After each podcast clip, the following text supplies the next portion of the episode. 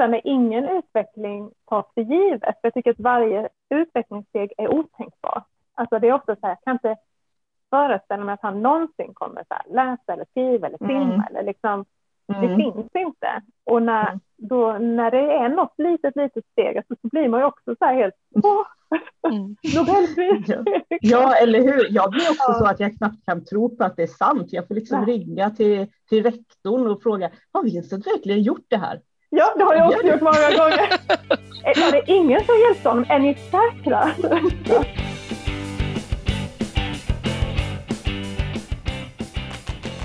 Hej och välkomna till Funkishörnan, en podcast idag med mig, Magda. Och mig, Jessica. Och idag ska vi intervjua Monica som också kallas Marionettmamman på Instagram. Välkommen hit Monica. Tack. Mm. Eh, Kul att du ville vara med. Ja, ja jätteroligt, även om det är nervöst för jag skriver hellre. du är inte van vid just detta formatet kanske? Nej, nej. Eh, jag tänkte att du kanske kunde berätta lite om dig själv och din familj först. För de som inte känner till dig.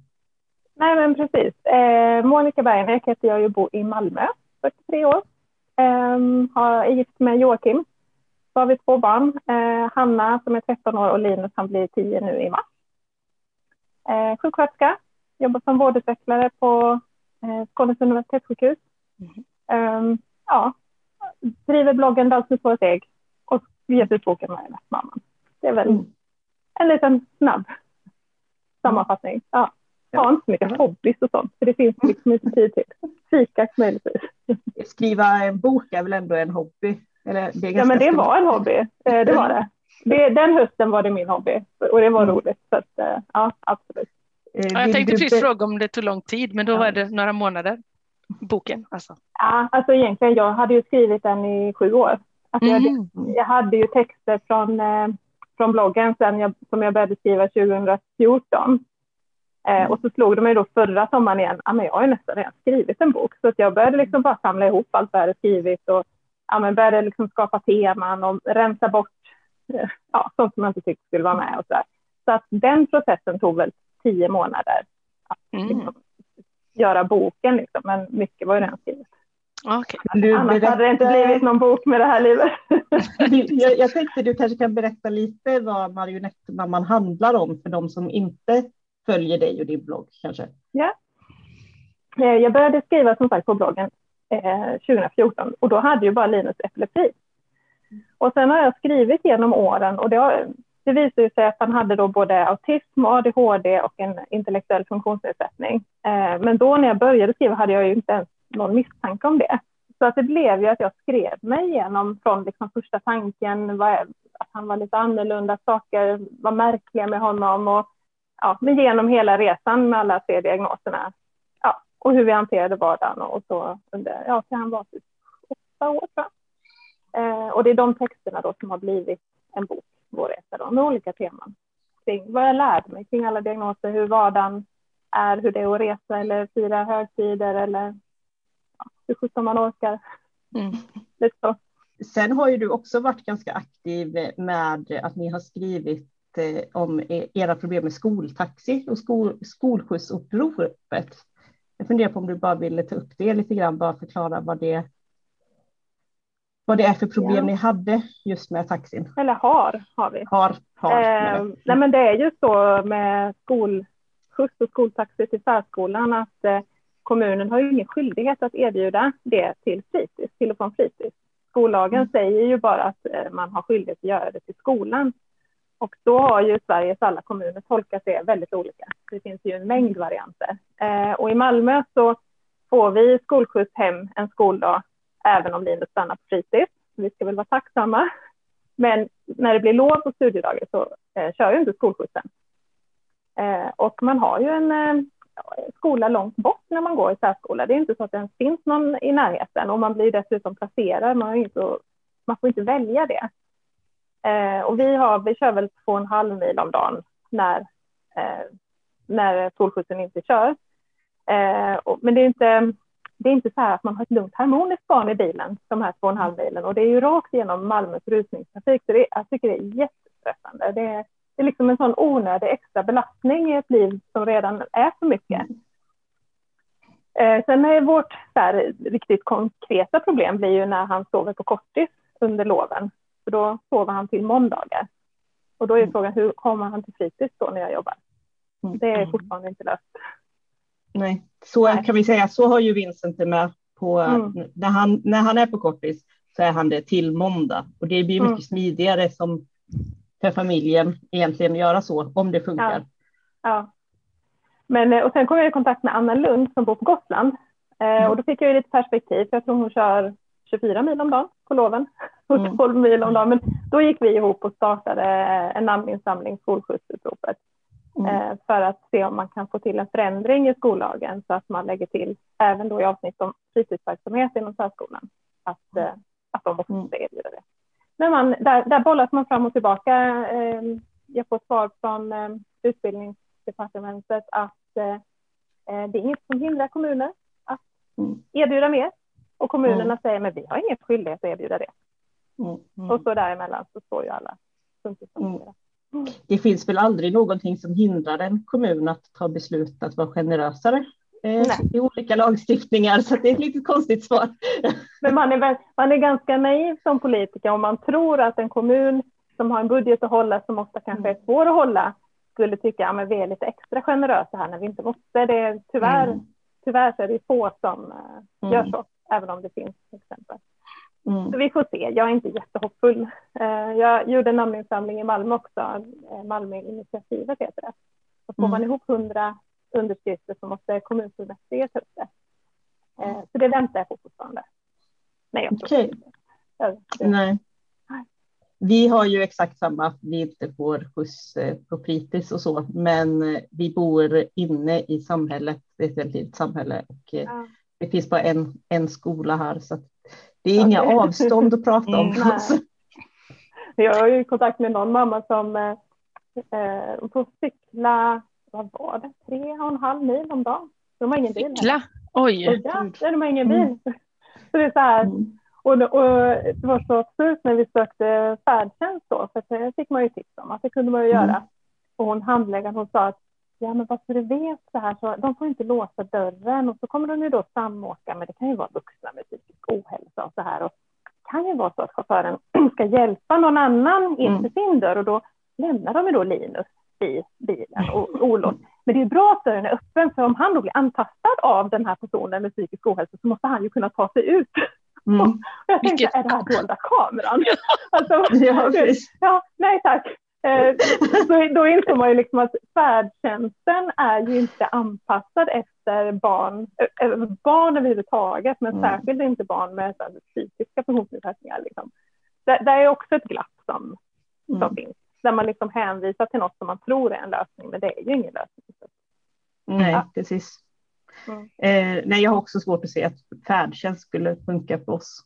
Eh, så jag är ju väldigt glad att vi bor i ett så pass, ett så pass litet samhälle så det inte är något ja. avstånd att prata om såklart. Eh, men ja, det är det inte alla som har. Eh, sen, sen hade ni ytterligare en, en sak som du har delat med dig av som också har varit lite så här problem med kommunen. Det var korttidsansökan. Skulle du vilja ja. bara berätta lite, lite om er korttidsansökan, varför ni sökte och eh, hur det blev? Ja, alltså för det första, alltså när man söker korttidsboende, det sitter ju så långt inne. Alltså det, mm. det var liksom säkert två, tre år när jag, det bara vände sig i magen när vi, alltså så fort någon sa, men ni måste ha hjälp, ni måste ha korttids.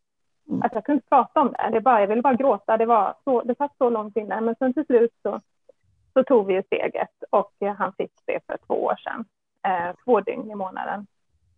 Sen efter förra vintern, då hade vi en jättetuff period liksom med väldigt våldsamma eh, utbrott varje dag och liksom vi, vi bara kände att det här går inte mer och vi märkte på Hanna också, hans syster då, att det här, hon behöver mer tid med oss. Hon levde inne på rummet ensam, eh, åt på rummet alla måltider och, och så där. Så då sökte vi två dygn till. Eh, och jag har nog varit lite för naiv, för jag jag har alltid, man har ju läst media och så, men jag har ändå tänkt så här, den dagen när vi nästan faller, då kommer vi få hjälp. Liksom. Då kommer ju någon lyssna. Mm. Eh, så jag blev nog rätt chockad när vi fick avslag då i, i slutet på sommaren, början på hösten nu. Mm. Att, eh, och att, att liksom grunderna var så... Alltså, det är en subjektiv upplevelse, tänker jag, ork. Om jag mm. säger vi orkar inte mer, då mm. orkar vi inte mer. Mm. Alltså då är det liksom stopp och att då kan ju inte en kommun säga jo men ni har ju tillräcklig avlastning, ni kan ju vila på kvällen och ni kan ju släppa iväg varandra ibland. Liksom. Mm. Eh, om vi säger att avlösarservice ger inte samma avlastning och så kan kommunen säga jo men avlösarservice ger tillräcklig avlastning. Alltså det var så, nej det var faktiskt lite mm. chockande att inse att, att hjälpen inte fanns där när man liksom mm. Bad. Eh, jag vet jag ringde och grät liksom till handläggaren. Mm.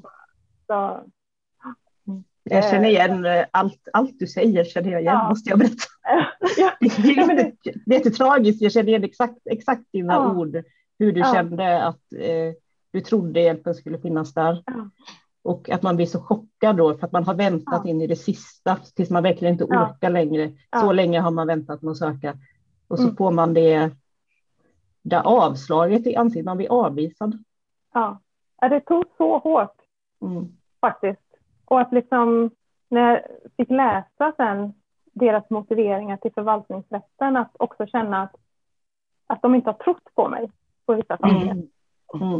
Eh, för det skulle bevisas och det var inte styrkt och liksom, mm. det blir så, är det, är det var absurt. Ja, det var det. Hur ska man styrka att man inte har någon ork? Det känns ju... Nej, men liksom precis. Eller liksom, hur kan jag styrka vad som händer här på nätterna? Jag börjar liksom så här, ska jag börja filma och ja, dokumentera? Men... Eller alltså vad ska det... jag göra? Det sjuka alltså, här är att det är det vi har gjort. Vi har satt upp har en som, ja. Vi har en kamera i Vincents rum för vi behöver ändå larma om han vaknar. Så vi har sparat ja. en del av de filmerna. Mm. Eh, det är det sjuka att jag har massa övervakningsfilmer på, ja, från Vincents rum för att jag vill ge det till rätten om vi får avslag igen. Det är ganska sjukt. Ja, Nej, men det är det. Och sen ja. så när man då kommer i kontakt med, när jag börjar skriva om det, så kommer jag i kontakt med många av er andra som har liknande upplevelser och liksom inser hur olika det är i olika kommuner. Mm. Eh, för att det finns kommuner, man har hört andra som kanske har barn med, om man säger lindrigare ändå än om jag jämför med Linus, där kommunen säger, men liksom kom nu ska vi hjälpa er. Eh, ska mm. ni inte börja med fyra dygn så kan vi se sen och utvärdera om mm. behöver mer. Och man bara, vad? Alltså, mm.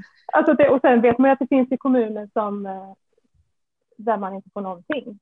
Mm. Och, och, jag tycker det är så viktigt att vad man behöver är individuellt. Någon, mm. det kan, kommunen kan ju säga att vi ger alltid avlastning i hemmet. Ja, det är jättebra för vissa, vissa vill ha hemmet. Eh, men jag känner ju personligen liksom att det som pågår här hela tiden spelar ingen roll om det är någon annan att ta hand om detta om jag är hemma. Alltså det pågår mm. ändå, jag behöver ju en paus så för oss mm. är ju korttidsboende. Mm. Men de har ju också förstått att olika kommuner har olika praxis hur man avlastar. Men mm. det är ju mm. bara familjen som vet vad som passar. Det... Mm. Ja. ja, men det är så sjukt för vi bad ju specifikt om att få hjälp i hemmet och vi ja. fick korttids. Och, ja. det... och vi har tvärtom. Vi vill ha ja. korttids och de tycker nej men ni kan få hjälp i hemmet. Så det känns ju så det är väl vi som vet vilken sorts hjälp ja. som passar vår familj bäst. Så varför ja. bestämmer någon annan över, över mig och Vincent hur vi ska leva vårt liv? Nej. Det är väldigt konstig känsla faktiskt. Ja. ja. Eh, och just att det är olika i olika kommuner. Så om jag hade bott i er kommun, då hade de sagt att avlastning i hemmet var bra då. Ja, ja. Har ni fått en avlösare? Ja. Då vågar jag knappt säga att hade ni bott i våran kommun så hade ni fått både och. Ja, vi har ju lite avlösare också. Alltså vi har ju, men, ja, ni har det. Ja. ja det vi har ju haft både och till Hampus, men ja. eh, vi, mm. kortis funkade inte då, för han var så pass liten. Han var fyra när vi fick det. Mm. Eh, så då valde vi att ansöka om eh, personlig assistans istället. Ja. Mm. Och anledningen kortis inte funkar för Vincent är ju på grund av de andra som är där. Så han, han är ju ensam i en lägenhet nu när han är på kortis. De har ju fixat en lägenhet i det, fin det finns ju kommunala lägenheter, vuxna som har boende med stöd eh, mm. bor och han har en lägenhet där då istället för att vara på kortis fast det är beviljat okay. som korttidsvistelse. Mm. Så det är det som är problemet för Vincent. Han är ju ensam i en lägenhet då. Ja. Istället för att vara med oss. Det tycker mm. vi är lite tråkigt. Mm. Jag önskar jag kunde ha assistans, men eh, mm. jag skulle aldrig, alltså Linus skulle aldrig acceptera att lämna. Alltså han är så fixerad vid mig så att ah, det skulle det. liksom inte gå att någon annan är hemma och att han skulle tycka att ja, men då, då lämnar mamma sig, utan jag hade varit lite involverad. Mm, ja. ja. men så har vi ju lite gentemot pappa då, mm. i och med att Hampus är väldigt pappig. Ja. Mm. Men eh, vissa grejer funkar om han sticker iväg, då funkar det mm. nästan bättre. Mm. Det, det, är så olika, men jag känner ju att vi skulle behöva eh, kortis när Hampus blir lite äldre, för det är ju ändå aldrig en full avlastning när han ändå är hemma. Nej, det är det inte. Det, så är det, ju. det, det pågår ju liksom. Mm. Och sen ska mm. man ju komma ihåg att alltså, om man blir beviljad fyra dygn så mm. kommer ju inte barnet vara där fyra dygn. Nej. Det är som, som nu, Linus är lite, lite snorig och då är vi hemma de två dagarna. Liksom. Då rök de mm. på. Så att det, eh, alltså någonstans måste man ju lägga stödnivån liksom ett snäpp över vad man kanske hade behövt för, mm. att, för att det som vi faktiskt blir genomfört ska täcka. Mm. Eh, och likadant tycker jag att man inte leta efter liksom att har det varit lite lugnare nu en stund. Eh, men mm. Man borde ju bygga avlastningen när det är som bäst, alltså hur det är då. Mm. Mm. Och sen om det är lite lugnare några veckor, lugnare, mm. då, ja men fine. Ta, då är det en bonus. Ja, men då är det vem, vem orkar hålla på med ansökningar när det är som värst? Man söker ju där det är som lugnast för det är då man orkar. Ja, mm. precis. Eh, ja, jag, jag vet inte. Sen eh, för att avrunda där vår korttidsresa så hände det ju grejer sen under hösten som gjorde att vi fick ett akut eh, tillfälligt ökning. Men det löper ut nu om en vecka. Så att nu har vi sökt på nytt. Jag orkar inte vänta på förvaltningsrätten. Det tar ju ett år och vi har mm. inte ett år känner jag. Mm. Så att vi ska väl få nytt besked inom två veckor. Jag är, alltså så nervös. Mm. Så vi har redan schema lagt för, för våren, liksom de här fyra dygnen. Mm. Men får vi nu avslag så ryker ju liksom på mm. dem och det är jättenervös. Om man ska få lite perspektiv, du, ni söker ju om fyra dygn i månaden, eller hur? Mm. Vi har korttids, eh, vi har sex dygn i månaden plus varje vardag efter fritids. Ja.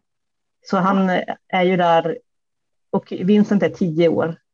Ja, det är ju Linus snart också. Ja.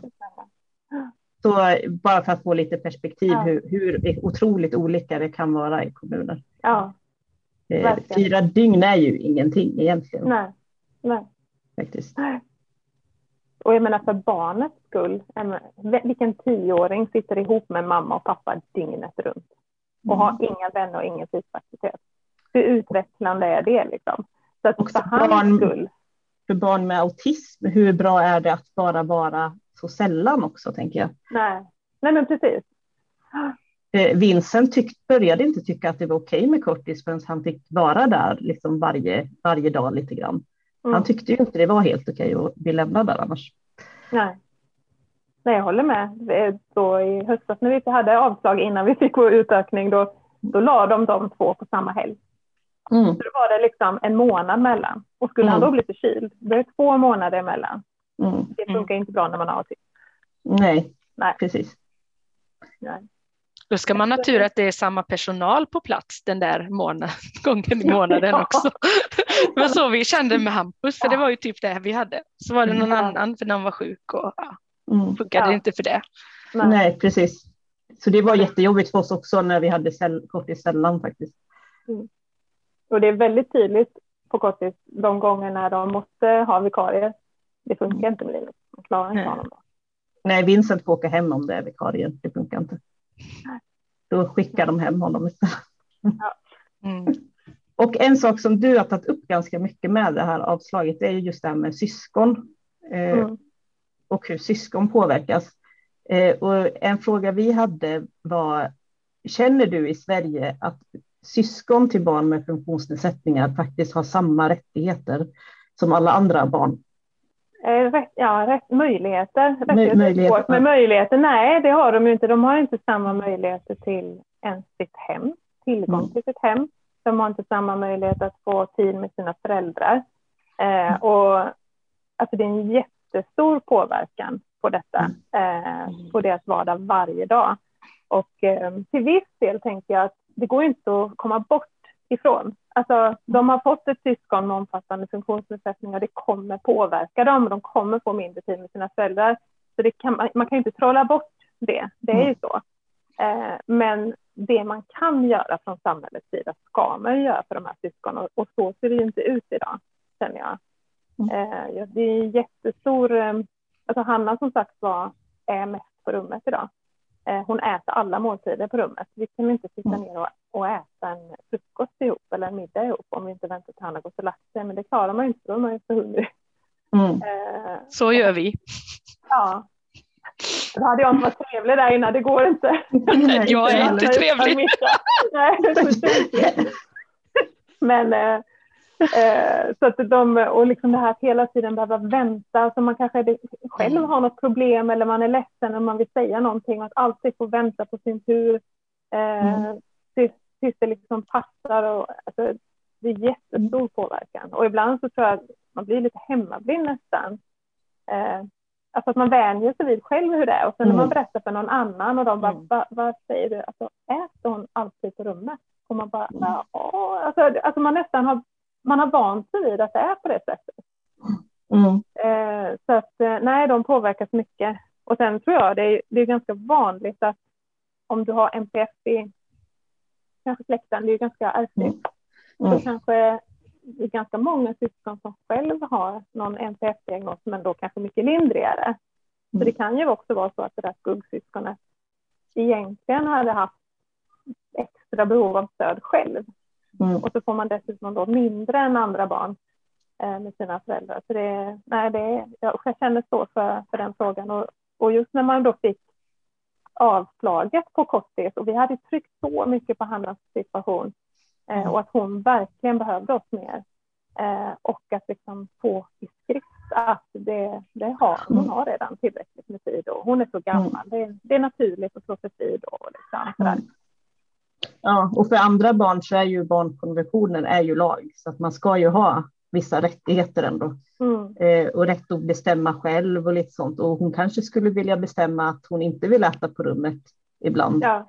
Och då säger kommunen alltså att hon inte, hon har inte den rättigheten som andra barn har, tänker jag. Nej. Och det, vi har ju också syskon, så det känns väldigt tufft att höra det på det sättet. Mm. Jag hade nästan önskat när Linus fick sin diagnos, att någon hade satt en broschyr i min hand där om, där om skuggsyskon som de kallar det. Liksom. Mm. Att mm. tänk på det här. För mm. det, det, det, tog, tog lite tid innan man själv insåg detta, för att man var ju så mycket i chock själv över Ja, han har mm. autism och han hade fått epilepsi och det gick inte att ställa in medicin och vi var liksom i sån tröskeln av, av det. Mm. Eh, så det tog ju tid innan vi insåg vad vi hade gjort med Hanna. Vi skötte mm. ju inte det optimalt i början utan det, var ju, det, det var tror jag ingen gör. Jag tror ingen gör det. Så det inte... Nej, men jag tänkte inte. Det var ju, jag har skrivit om det i boken när hon kommer, jag tror hon var fem och ett halvt eller något, och kommer och säger jag vill sortera bort, slänga mina Barbies. Och jag bara, varför ska du kasta dina Barbies? Nej men jag får ju ändå aldrig ta någon kompis, så behöver jag inte ha dem. Mm. Och jag bara, nej, det hade hon inte fått. Så, att det, så det var mm. kaos liksom. Mm. Och så bara insåg vi att bara, men, ja, hennes liv pågår ju också här och nu. Det går ju inte att vänta. Det, det är ju det är här nu. Mm. Mm. Och vi måste hitta så att det blir bra för båda. Mm. Eh, och hon måste också få ta hem kompisar och så får vi hantera det som blir konsekvensen av det. Liksom. Och, och då började vi dela på oss mycket mer också.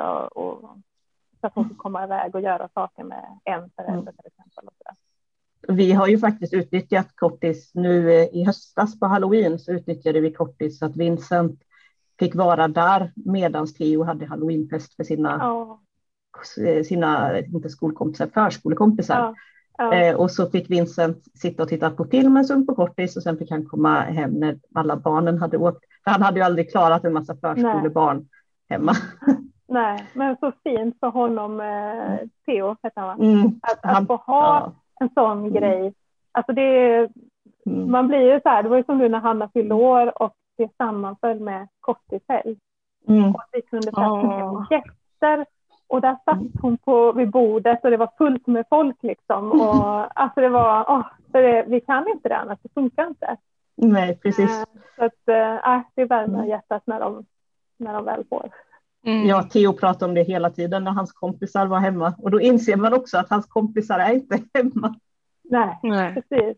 Nej. Och det är många som faktiskt, vi kan säga att ja, men det är fritt liksom, ta hem kompisar, men menar, det finns ju familjer där det, det går inte. Mm. Det, så, så kan det vara, att det är så svårt så att, så att man faktiskt inte kan ta hem kompisar. Mm. Minna har i stort sett aldrig kompisar hemma, äldsta dottern. Nej. I och med att när, innan tvillingarna kom och när de var riktigt små, då kunde hon ju få lite mammatid kanske. Mm. Men nu när det finns två stycken till, mm. det är jättesvårt. Ja. Jättesvårt är det.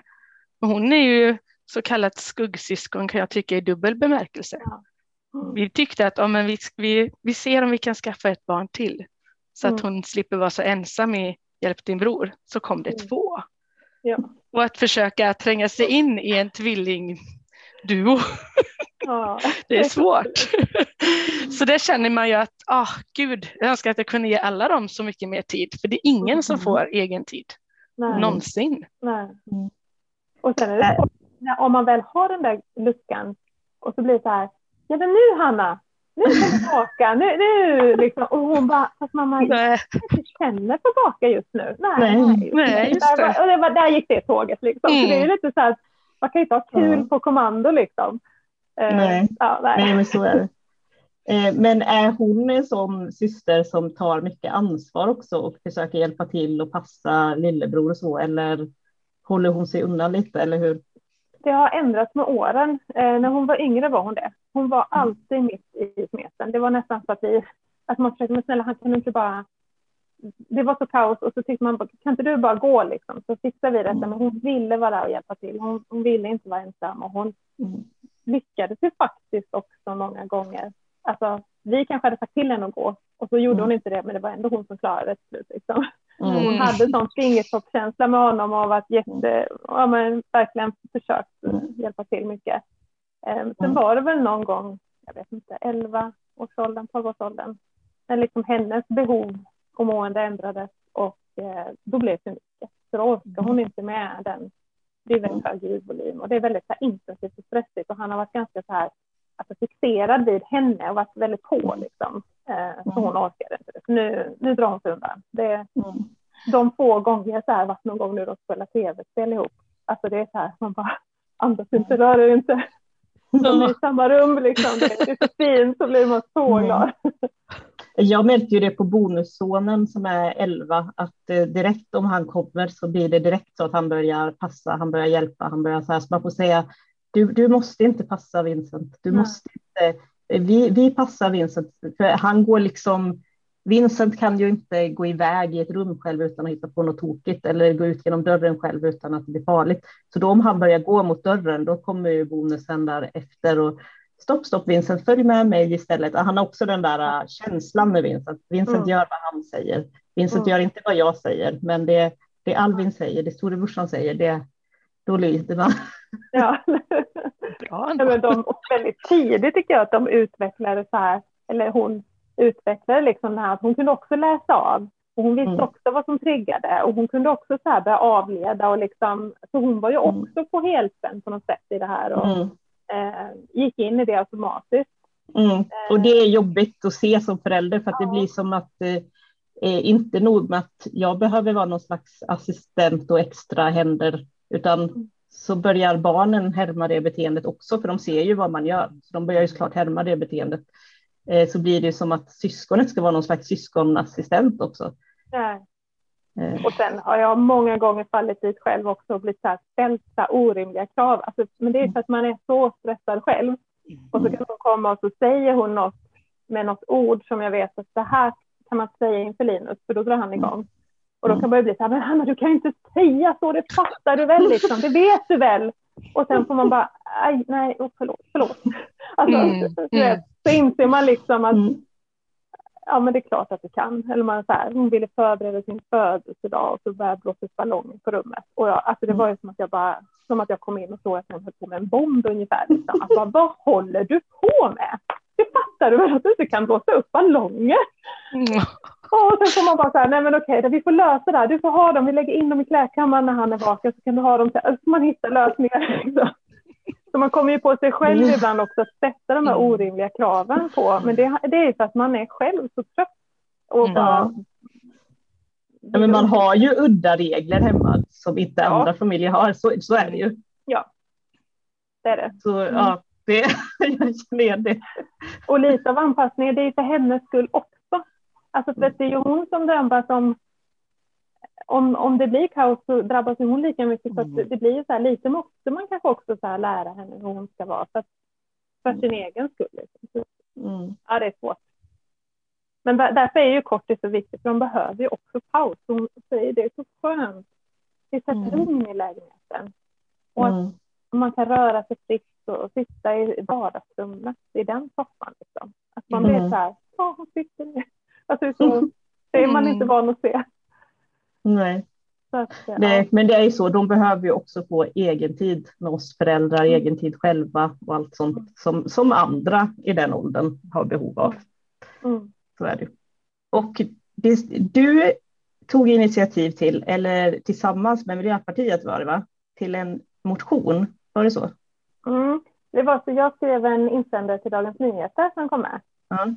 Eh, och sen så tänkte jag nu får jag smida när järnet är varmt. Så då tog jag och mejlade en person per riksdagsparti i socialutskottet. Och så skickade jag eh, min insändare DN och så skickade jag ett reportage som hade varit i Hallandsposten om, om vår situation. Eh, och så skickade jag det till det och, och så skrev jag vad, hur ser ni på det här liksom, med syskonperspektivet eller LSS-bedömningar. För att det var tydligt att det behöver liksom stärkas. Eh, mm. För vi såg ju i vårt avslag att det var Linus behov som man tar mm. hänsyn till. Men att Hannas behov nog inte kunde få plats för att barnkonventionen var en allmän lag och LSS en speciallag. Så jag bara mm. insåg liksom att här behöver någonting ändras. Så då skickade jag till det och då nappade Miljöpartiet direkt. Så de ringde upp och, och höll ju med om det och mm. frågade om de fick eh, låna lite av det jag hade skrivit och så där. Och så, mm. så blev det en motion. Så den ligger mm. ju och väntar nu på att bli behandlad. Jag hoppas mm. att många Eh, hoppa på så att de ser det... över. Och den sa mm. ju just att man ska stärka syskonperspektivet vad gäller bedömningar och att det måste vara samma i hela landet. Det är ju orimligt att se en person inom LSS som en egen, en egen liten enhet när man är i en familj. Det är ju orimligt. Ja. Eh, det upplever jag också att LSS-handläggarna gör med Vincent. De ser 100 procent bara på Vincents behov. Inte att, som när jag var utbränd, inte när han hade en nyfödd lillebror, inget sånt. Bara vilka, exakt vilka minuter behöver Vincent hjälp? Och det är ju orimligt. Ja, alltså det har verkligen, jag har verkligen insett liksom the hard way efter att ha kanske prioriterat Linus att det är två barn som är precis lika viktiga. Det spelar ingen roll att Linus har alla de här diagnoserna. Hanna är precis lika viktig och det är liksom, det, det, så funkar det inte idag. Mm. Lagen tillåter ju inte att det funkar så Nej, i våra familjer. Eh, eller hade man, alltså överhuvudtaget det här med praxis, jag förstår inte hur praxis kan vara aktuellt när det är mm. individuella bedömningar, men de pratar om praxis. Mm. Och hänvisar till andras domar fast det är individuella bedömningar. Ja. ja. Och jag tror det är svårt att, jag tror de har svårt också med att när det kommer till de här, eh, den här problematiken, att de vill gärna sedan mäta problemet liksom. Mm. Alltså, hur, ja, men jag har förstått det när man har haft hur lång tid tar ett toalettbesök? Och så är, är det liksom bara själva hand till hand som, som räknas. Men jag menar, att hantera någon som får ett våldsamt utbrott, den psykiska belastningen, det går inte att mm. mäta. Eh, eh, och så mycket av sånt som har med NPF att göra, det går inte in i mallarna liksom, känns det som. Nej, det håller jag med om. Nej. Nej. Och så känns det... det... med allt tycker jag. Med, om det handlar om skolskjuts eller LSS-bedömning mm. eller vad det är så är det liksom byggt för att det ska vara lite konkret. Liksom. Mm. Du sitter i rullstol eller du mm. kan inte höra eller liksom så. Men det här spretar för mycket. Så. Mm. Ja. ja, överallt så behöver det NPF anpassas. Det håller jag med om. Det är mm. mycket lättare för, eh, för samhället att hantera de andra diagnoserna än autismen. Det, märker, det ja. märker jag jättetydligt. Ja. Och jag tänkte också, för vi går från eh, syskonperspektivet, om vi går lite upp till oss eh, föräldrar. Eh, upplever du att du som förälder får samma ja, rättigheter eller möjligheter i samhället som andra som då kanske inte har barn med funktionsnedsättning? Är det någon som tar hänsyn till dig? Nej, det är inte. Nej, jag har tänkt på det här bara, ja, men det att jobba till exempel. Eh, mm. Alltså man förväntar sig någonstans rodda liksom, alla klagar att det vanliga livspusslet är svårt och sen har vi allt det här extra och sen ska man dessutom sköta ett jobb. Och att hur ska det, vilket jobb egentligen passar liksom? Nu har jag jättetur så att jag har ett jobb med flexibla arbetstider. Eh, mm. Jag kan styra jag, vilka tider jag lägger möten. Jag, det kan ringa från Försäkringskassan eh, mm. eller från skolan, jag kan ta det. Men jag har tänkt så mycket på att det måste finnas så många jobb där det inte är möjligt att jobba. Alltså att om du går på ett schema, du ska vara där den tiden. Det här, oj, skoltaxen kommer inte, den kommer en timme senare idag. Alltså vilket jobb kan acceptera det egentligen liksom? Mm. Eh, och att man behöver rycka ut alla telefonsamtal, alltså det är ju en jättestor påverkan även under arbetstid. Mm. mm. Eh, och att jag är verkligen så medveten om att jag har sån tur, men de allra flesta yrken, det går inte ihop. Liksom. Mm. Och jag tror, eh, vad jag har sett på andra runt omkring, jag tror det är ofta det som skälper när folk blir utmattade. Att mm. Det räcker det man har hemma, men har man dessutom typ en chef som inte fattar eller en stress där man känner att jobbet funkar inte, man har kollegor som ska du vara borta igen eller, eller det här när samhället liksom sätter upp de här hindren. Mm. Att det kan vara det ofta som är droppen eh, mm. som gör att alltså, att man kraschar i en utmattningsdepression eller något. Mm. Eh, så, man har inte marginaler till något annat. Liksom. Nej. Eh, nej. Jag har också ett jätteflexibelt jobb, men man har ju alltid man är alltid medveten att plötsligt kan det ringa från skolan eller ja. så här. Det, det, kan alltid komma någon som vill ringa och prata om någonting. Ja. Eller en LSS-handläggare som behöver diskutera något eller någon från HUB ringer. Ja, det, ja. det kan alltid komma ett samtal. Eller man kan alltid behöva ringa ett samtal. Så det är ju inte så att man kan koppla bort helt på jobbet. Nej. Och jag lägger inga möten före halv nio, helst inte förrän nio. Så mm. det kan ju vara Samma här. här. Kom det ingen skolskjuts och sen när den väl kommer så står man där, man ska redan börjat jobba, man är i pyjamas och osminkad och liksom att, och, och, det vet man ju aldrig vilken dag som är den dagen. Liksom. Att, Eller helt plötsligt vill inte Vincent gå ut i skolskjutsen och så han, han, sätter sig bara någonstans och håller fast sig och man bara, jaha, det var inte dags att åka till skolan nu. Nej. Nej. Nej men det är så oberäkneligt och liksom hur många, man gäller att ha verkligen flexibelt jobb och en jätteförstående chef som sätter mm. lugnt liksom. Mm. Eh, för att det ska gå ihop i livet. Eh, mm. mm. Och man har ju inte möjlighet till mycket annat. Nej. Men du sa också att då står du också osminkad. Du kan inte heller sminka dig på morgonen medan eh, Linus är hemma, eller? Det kan inte jag om Vincent. Nej, oftast inte. Mm. Finns det inte tid för det. Nej. Och att eh, det beror helt på hur han är eller om, och hur, vilket flow man har och vad som händer och om man får epilepsianfall. Och det, det är så mycket som mm. kan hända på morgonen. Mm. Oftast nej. Nej, och du... kommer ju, Vincent kommer ju in i badrummet med mig och tar mina sminkpenslar och börjar blöta ner sig om jag försöker sminka mig. Så då, mm. då blir ju han blöt, så det är inget bra. nej, nej, men det är så skönt. Sen när han åker iväg så lägger sig lugnet och då har man så här, nu 20 minuter och så får man liksom i lugn och göra så. Sånt man kan njuta av vardagslyft. Det tackar jag ju corona för, för jag jobbar ju hemma. Mm. struntar jag i att sminka mig och så väljer jag att inte sätta på kameran om jag verkligen känner att nej, då vill jag inte visa mig. Nej. Då struntar jag i det. Det är rätt så skönt. Ja, det är det faktiskt. Det har ju sparat tid. Mm, verkligen. Ganska mycket hemma. Jag tror att det är en kvinnogrej faktiskt också. Mm. Att det är vi som tycker det är enklast med hemmajobbet. Att just den tiden mm. smink och vidare och så vidare. Ja, men faktiskt ärligt sminkar jag mig inte så ofta längre på grund, just på grund av att jag har vant mig av vid det, att det är så, är så stressigt på morgonen och jag får, jag får, inte sminka mig. Jag sminkade mig, jag kunde inte gå ut genom dörren utan att sminka mig innan. Så det, mm. Ja, det gav jag upp för länge sedan. Ja. det fick man ju upp för att mm. om, vi, om vi tänker på hela familjen, det blir ju så att hela vår familj eller våra familjer har en högre belastning. Eh, hade du kunnat berätta lite om hur en familj kan påverkas av det, att konstant ha en hög belastning? Ja, eh, oh, det är så mycket. alltså, det är ju jag tycker marginalerna med åren blir bara så mindre och mindre och mindre. Jag har tänkt mycket på det för att jag känner inte igen mig själv längre. Mm. Eh, första åren, jag var så stark, liksom, hade sån kraft jag läste på. Jag skulle, alltså, laminerade övningar och tränade. Och det var, alltså, man var så här, liksom, ja men verkligen gick all in. Mm. Och idag, det, alltså, det finns inte. Eh, mm. och man tog så, jag menar, jag har så långa perioder när man har satt de här långa utbrotten och aggressivitet och det har varit liksom, mm. och det har inte så här nått den, men så på något vis så, jag tror allting bara så samlas i någon ryggsäck eller liksom, mm. och man har ärr på något sätt som gör att man blir skör efter att ha varit med om så många jättetuffa situationer.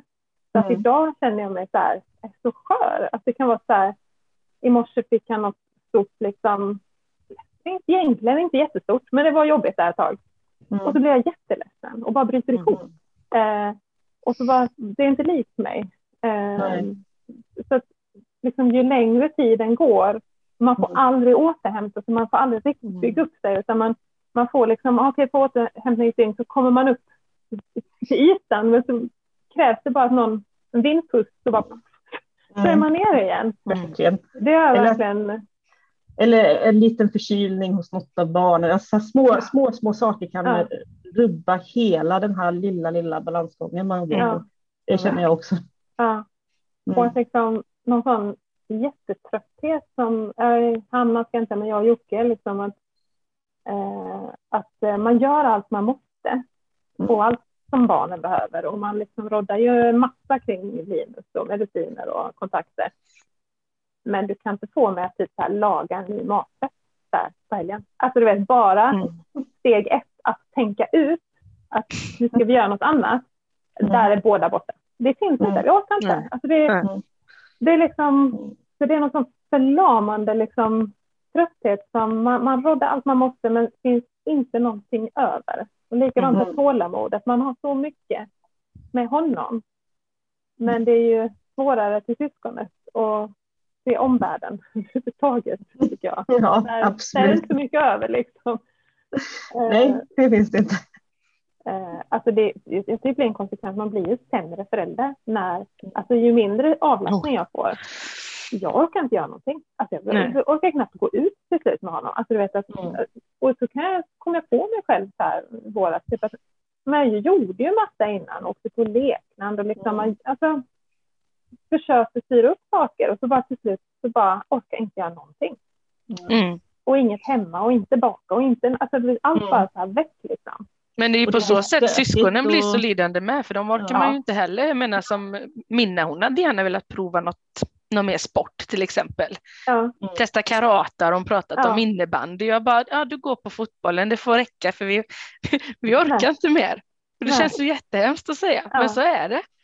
För då vet jag att mm. har vi inte assistans då lämnar jag Erik ensam mm. med Hampus och två till. Mm. För att kunna lämna och hämta ja. och sådär. Mm. Så det, nej.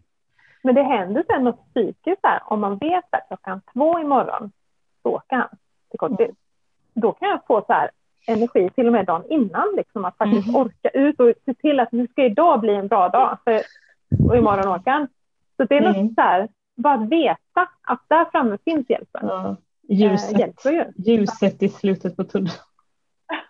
Så vaknar de så är de snoriga och allting raseras ja. igen. Ja, som blir med så mycket kontraster också har jag tänkt. Att det är så här, alltså att man åker så här någon jäkla berg ja. liksom, från att det är något som är positivt och man bara så här hög på livet och bara blir så här lyrisk och alltså jag kan bli så toppad liksom på, för något litet och sen så händer mm. det något litet och så bara rasar man ner ett svart hål. Alltså det, det ja, verkligen. Upp och ner, upp och ner. Det känner ja. jag också igen. Mm. Jag är sån med, åh det är så bra, så gråter jag lite och sen så är det jättejobbigt, så gråter man för det. Så det är typ det enda jag gör, man bara gråter. Ja, och handläggarna tycker jag är jättejobbig säkert, för jag gråter om vi får godkänt, jag gråter om vi får avslag, jag bara ja. gråter. Inne hos handläggarna, det enda jag gör är att gråta. Man tänker som du berättade Monica om syskonen när man ser att någon gör något ja, de mot varandra då eller som hon mm. gjorde ensam att hon kan göra det. Då hade jag varit den som sitter och åh kolla vad fint det blir. Så, de är så söta med varandra. Men det är klart, ja. livet är verkligen högre toppar och djupare dalar när man mm. har ett barn. Med mm. extra det, men samtidigt så uppskattar man ju det här lilla så mycket mer. Liksom. Mm. Att, eh, bara en fika med en kompis eller att eh, ja, ja. duka fram en frukost när man är på kortis och bara sitta och prata en stund. Eller jag vet någon gång vi, att jag satt med Hanna och två kompisar till henne och tacos mm. och vi satt där en timme och pratade. Alltså jag var så här, alltså jag var så lyrisk, det var så häftigt. Och, ja. och det är sånt, sånt, sånt som kanske andra tar för givet. Ja, precis, sånt som var så självklart innan som att ja. sitta och ta en kaffe på stan. Det är ja. ju fantastiskt nu. Ja. Det är ganska otroligt att det kan vara det. Det kanske ja. låter sorgligt för andra, fast för, för mig är det fantastiskt. Fast det, är ju, det ger ju verkligen lycka. Alltså, så det är ju, och likadant så här med ingen utveckling tas för givet. Jag tycker att varje utvecklingssteg är otänkbart. Alltså det är ofta så här, jag kan inte föreställa mig att han någonsin kommer så här, läsa eller skriva eller filma mm. eller liksom, mm. det finns inte. Och när, mm. då, när det är något litet, litet steg alltså, så blir man ju också så här helt, åh, mm. Nobelpris. Ja. ja, eller hur. Jag blir också ja. så att jag knappt kan tro på att det är sant. Jag får liksom Nej. ringa till, till rektorn och fråga, har Vincent verkligen gjort det här? Ja, det har jag också gjort många gånger. Var det ingen som hjälpte honom? Är ni säkra? För att det blir så, ja. man tror att han inte ska göra något så här. Man tänker så här, han kommer aldrig göra det här. Sen så, sen så mm. gör han det och man bara, nej men inbillar vi oss? Är det här sant? Mm. och det är ju fint på något sätt, alltså att eh, man nog blivit bra på att se det där lilla. Mm. Eh, som faktiskt är häftigt egentligen för alla barn. Liksom. Alltså, vi ser det verkligen. Mm. Mm. Absolut. Eh, jag tänkte på hur påverkas man av att få ett avslag? Nu pratar du om att man är väldigt skör och så och sen får man dessutom avslag från kommunen, de som ska hjälpa. Ja, men det var, jag tyckte det var som att verkligen dra ut proppen. Alltså det, det, det går nog inte att förstå eh, för någon som inte har varit med om det. Mm. Alltså för att det, alltså jag blev, det var så många liksom lager i det, liksom både så att uppgivenheten, hur ska vi orka här och nu och nu måste jag ta tag i och överklaga och sånt, men också att känna sig alltså, sviken. Alltså, jag känner mig så sviken av mm. samhället så att de inte hade förstått och inte tagit mig på allvar. Liksom. Att man kände, nej usch, det, mm. jag tyckte det var jättehårt och därför är jag så nervös nu. Så jag hoppas, mm. så jag vet inte hur jag skulle klara det igen. Mm. Att, liksom, men så var det för mig när jag, när jag sjukskrev mig i utmattningsdepression. Det var precis det vi hade fått ett, ett, ett till avslag. Vi hade fått ganska många avslag vid det laget. Mm. Och så kände jag kände liksom, jag kan inte söka något mer nu för att jag kan inte klara ett till avslag. Och jag kunde typ, alltså det, det var så, jag blev så deprimerad för det kändes som att vad jag än söker, vad jag än gör, så kommer, mm. kommer, ingen kommer hjälpa mig, ingen vill hjälpa mig. Det är kört, det är hopplöst. Nej, liksom. man tappar förtroendet för att... Ja, precis. Ja. Så verkligen den känslan att jag klarar inte till avslag, så jag kan inte söka någonting mer. För om, om jag får ett avslag till så går jag sönder fullständigt. Det, mm. det, går, det går inte mer. Man har ju hört många som faktiskt inte orkar överklaga heller. Mm. För att processen är så tuff och, och mm. det finns inte energi till det. Liksom. Mm. Det känns ju så, ja det, det, det är tragiskt, som skulle behöva det som mest. Mm. Eh, Mm. Så det är ju en skör grupp som man har inte orken att driva frågorna. Nej. Nej. Och man har ofta varit med om väldigt mycket redan innan, ja. innan man söker. För det vi har varit med om med våra barn med, med sjukhus och diagnoser och mm. eh, det är ju något man har med sig. Det är ju ett trauma man har med sig också hela tiden som gör mm. allt lite. Man är lite skörare. Allt är lite, lite jobbigare. Mm. Det jag tror det är som är i en på något sätt. Alltså, mm. det, man blir aldrig lika stark igen. Så är det verkligen. Men hur är det för dig Monica? Har du behövt eh, vara sjukskriven och så på grund av att det blivit för mycket?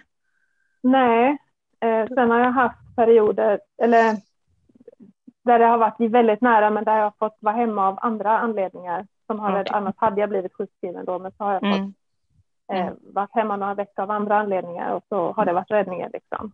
Ah, okay. Jag har vabbat med Hanna. Mm. Eh, men eh, nej, inte långt. Det har jag inte. Det, det, en gång sjukade jag mig en vecka efter att vi har varit på sån långtids-EEG, när jag har varit inlåst i ett rum med Linus i fem dygn, kameraövervakad med de här då var det så här, jag var så knäckt när jag kom hem, men, men en vecka mm. vilade jag och sen var det så. Mm, mm. Nej, men jag tror faktiskt att det är för att eh, eh, min, min räddning har nog varit att jag haft ett väldigt flexibelt jobb. Mm. Där de, jag har hela tiden haft en chef som har anpassat. Att när vi har haft det jättetufft, när jag har varit väldigt nära, då har de skalat bort arbetsuppgifter och anpassat så att det har gått runt. Liksom. Att målet är att komma och göra lite grann och göra det bra. Mm. Eh, vad, vad fantastiskt. min räddning. Ja, ja, Gud vad fantastiskt. Vilken mm. underbar arbetsgivare faktiskt. Ja, det, har det, varit. det är nog ungefär ja. där jag är med min arbetsgivare just nu faktiskt. Mm. Eh, men jag gick ju för länge innan jag blev eh, sjukskriven. Mm. Men då fick jag ju all hjälp jag behövde också. Men nu har jag ju sagt till tidigare. Mm. Ja, men man blir klok och mm. lyssnar på kroppen.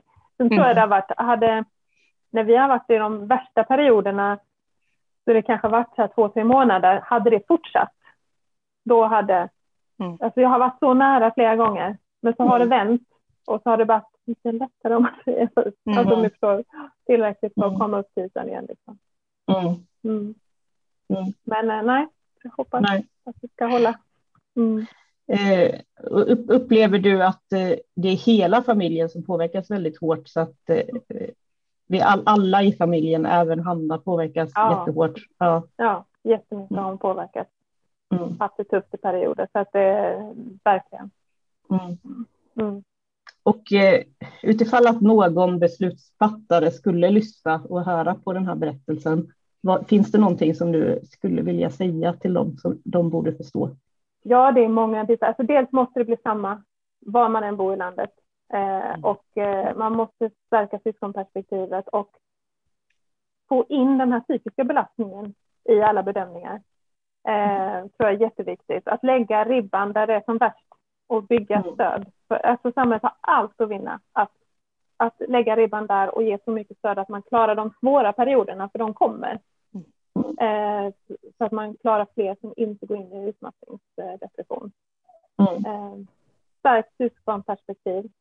Det känns idag lite som att barnkonventionen är ett luftslott. Alltså ja. man, man, säger att ja. den finns, men, men eh, mm. känns inte så. Och sen på något vis det här att funktionsnedsättningen är ju varaktig. Mm. Så varför måste vi söka om hela tiden? Det skulle jag också vilja säga. Alltså att med omvårdnadsbidrag och av, alltså att om man nu får beviljat fyra dygn, ja då vet man att då är det två år. Så ska vi söka mm. om igen. Mm. Alltså sannolikheten att det skulle liksom bli mindre är ju, då kan jag säga till. För det är inte så att jag vill lämna bort mitt barn om jag Nej. inte måste. Det vill jag inte. I, I vår kommun så har de tagit ett beslut att för barn så omprövar man varje år. Nej. Alltså då är man ju nästan alltid i en process. Liksom. Mm. Ja, vi är alltid i en process. Ja. Nej, alltså för, det, för, för någonstans är det så här, allt annat som strular runt omkring måste bort. Ge skolskjuts även till och från fritids. Anpassa så färdtjänst liksom är för de här barnen. Eh, alltså det finns så, och inga omsökningar och bort med praxis och sånt. För att någonstans är alla de här hindren som kommer hela tiden som gör att, att folk fattar att föräldrar inte klarar det längre. Mm. Är det så många bitar som behöver justeras. Mm. Jag hoppas de lyssnar. Ja, det, det hoppas jag också. Mm. Tack för att ni har lyssnat på det här avsnittet och vi vill jättegärna höra vad ni tycker Eh, och tänker och om ni har några idéer för gäster så skriv jättegärna till oss på funkishonan.podcast på Instagram eller Facebook.